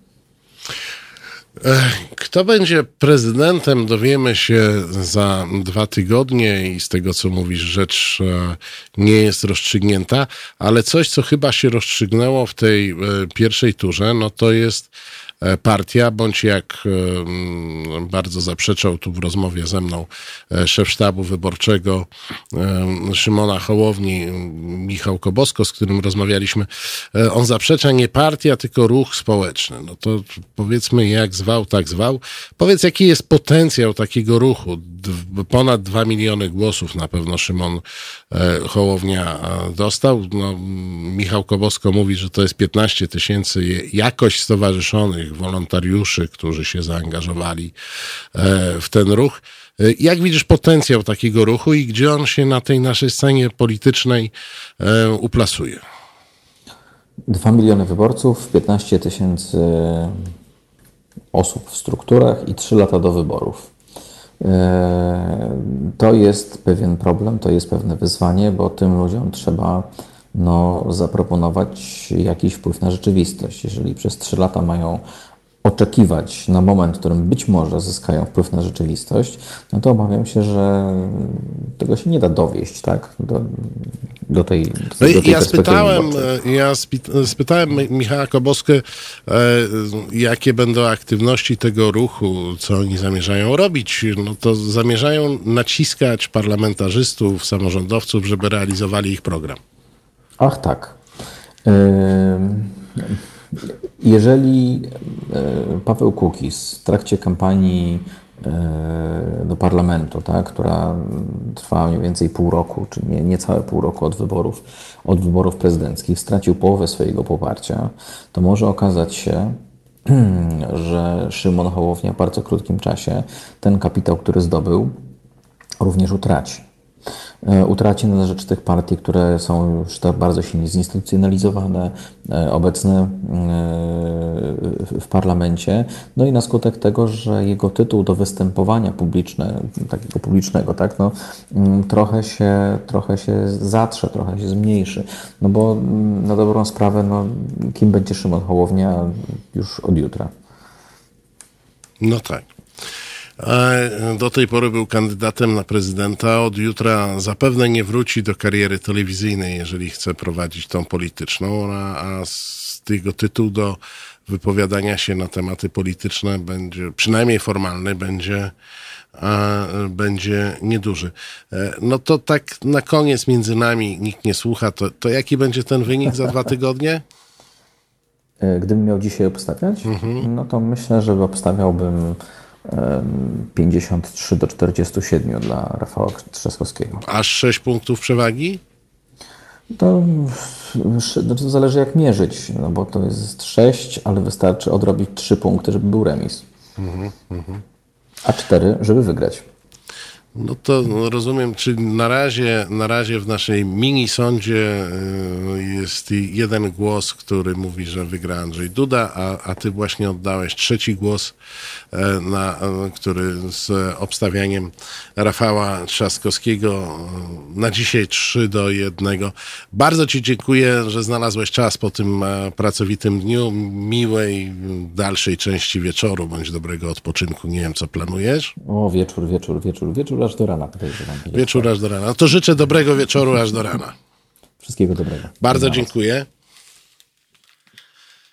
Proszę Państwa, to był e, zapracowany e, Michał e, Duma, który także e, obstawia, że mamy do czynienia z trendem, e, który może wynieść em, Rafała Trzaskowskiego e, do prezydentury. Powiem uczciwie, że ja jestem trochę e, sceptyczny przy tych, przy tych głosach.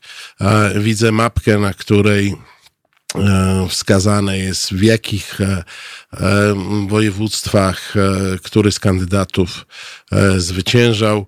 E, No i Rafał Trzaskowski zwyciężył w e, województwie pomorskim, zachodniopomorskim, a lubuskim i e, dolnośląskim. Ja pamiętam te mapki z e, poprzednich e, kolejnych wyborów. I tam było tak, że ta platforma, czy kandydat platformy e, brał e, poza tą Polską bardzo zachodnią, także Polskę e, centralną, na przykład województwo e, wielkopolskie, e, województwo opolskie, województwo śląskie. E, One wręcz uchodziły za e, bastiony m, tej części m, e, polskiej e, polityki. E, No a tu się okazuje, że cztery najbardziej e, zachodnie e, województwa e, to są województwa, gdzie wygrał e, Rafał Trzaskowski. W pozostałych e, województwach wygrał e, Andrzej Duda. Łącznie, proszę Państwa, z województwem mazowieckim, bo my często zapominamy, że województwo mazowieckie to nie Warszawa.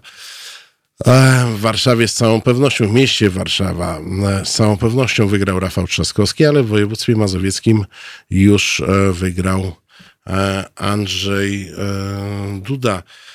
Proszę Państwa, no, gorący, e, gorący e, wieczór, gorące dane.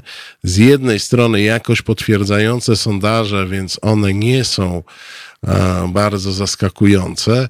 E, Z drugiej strony jednak e, przy części z tych e, sondaży ja miałem wątpliwości, czy one nie są trochę przekłamane.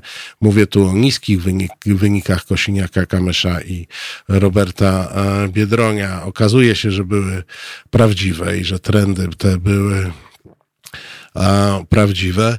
E, Cóż możemy sobie E, e, Cóż możemy sobie, proszę Państwa, e, powiedzieć? Cały czas jesteśmy, i to odnoszę się do tego, co się bardzo mocno w dyskusji e, na czacie, e, co w dyskusji na czacie się przewija. To, to jakieś takie różne animozje wyborców różnych e, partii opozycyjnych.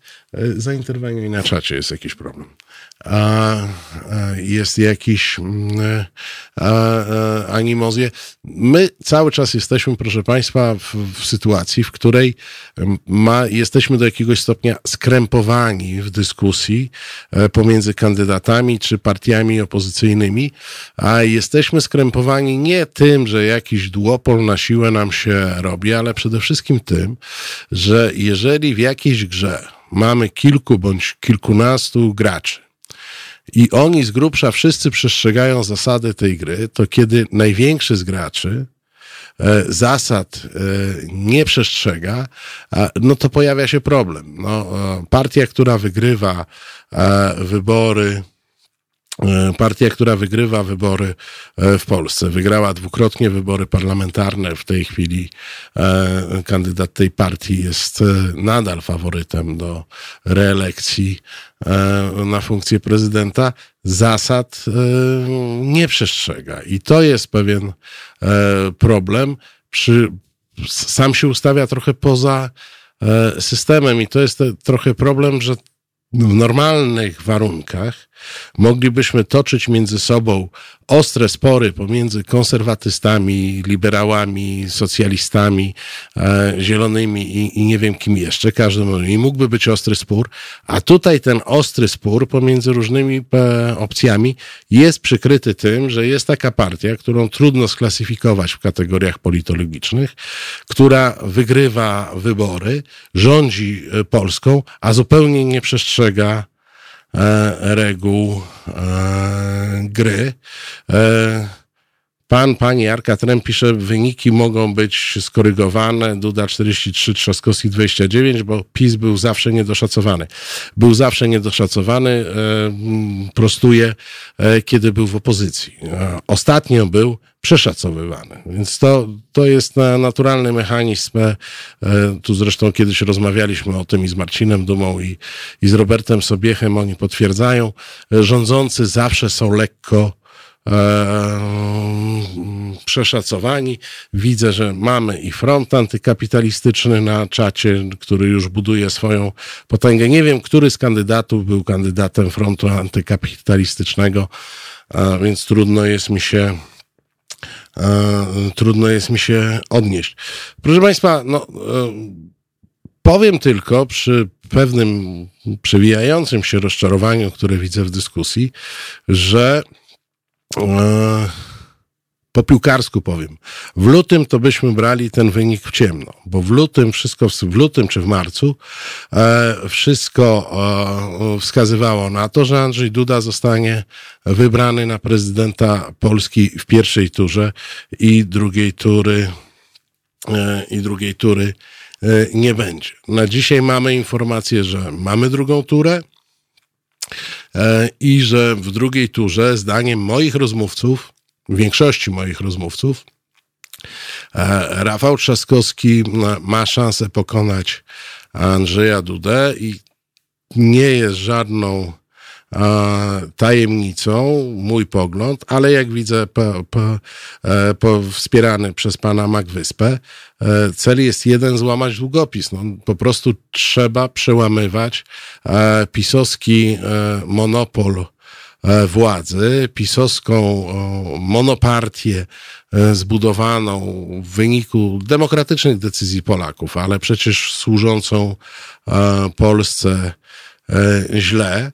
Mm, To trzeba przełamywać i ja to mówiłem parę programów temu. Każdy kandydat e, startujący przeciwko kandydatowi monopartii, jaką jest PiS, w drugiej turze mm, powinien być przez nas gremialnie e, wsparty bez względu na to, jak bardzo go lubimy czy nie lubimy e, i jaki mamy do niego stosunek, to trzeba myśleć przede wszystkim o państwie, czyli o tym, żeby przełamywać monopol partyjny, który widzimy czym się kończy. Jeżeli jest monopol jednej partii, jeżeli jedna partia e, ma w swoim ręku mm, e, e, za dużo władzy, to wedle starego powiedzenia, każda władza mm, korumpuje, a władza absolutna korumpuje absolutnie, no to, to przecież obserwujemy to w tej chwili. I też, żeby nutkę optymizmu na koniec jeszcze wrzucić, zobaczcie, ile miliardów oni wydali na tą kampanię. E, Ile w tym nieszczęśliwej telewizji, tak zwanej publicznej, e, pieniędzy zjedli przeróżni eksperci, e, żeby wymyśleć, jak Duda ma wygrać wybory. Przypomnijcie sobie tych stworzonych, tych projektantów mody światowych, e, których sobie wymyślili. Przypomnijcie sobie te wszystkie prowokacje. Dwa miliardy złotych poszło na tą telewizję po to, żeby ona tą propagandę robiła. Wszystkie spółki Skarbu Państwa, wszystkie zasoby państwowe zostały wykorzystane e, dla kampanii e, dla kampanii, e, e, dla kampanii wyborczej Andrzeja Dudy i to jest tylko lekko ponad 40%. E, Marnotrawstwo pieniędzy także z ich punktu widzenia mogli wydać je e, dla siebie nawet, już nie mówię dla nas, ale dla siebie mogli wydać e, e, dużo lepiej. Mm, Więc z pewnym umiarkowanym optymizmem e, możemy finiszować z tym e, wieczorkiem wyborczym. Jak Państwo wiecie, to była dla nas też pewna próba, także techniczna.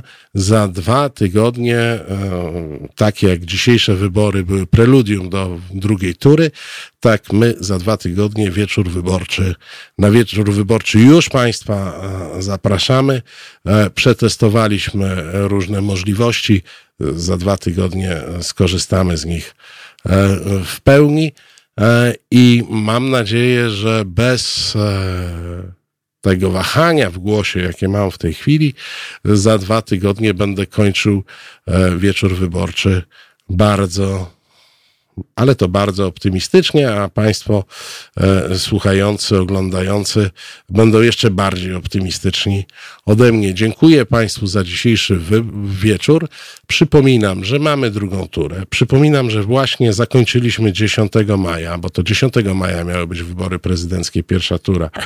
E, więc e, 10 maja właśnie mamy, e, mamy dzisiaj.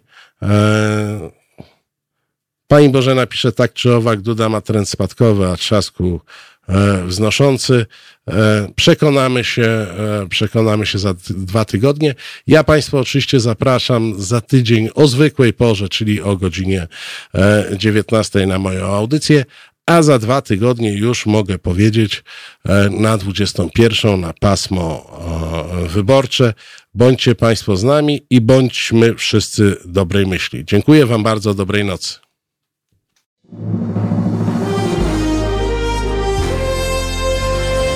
To proste.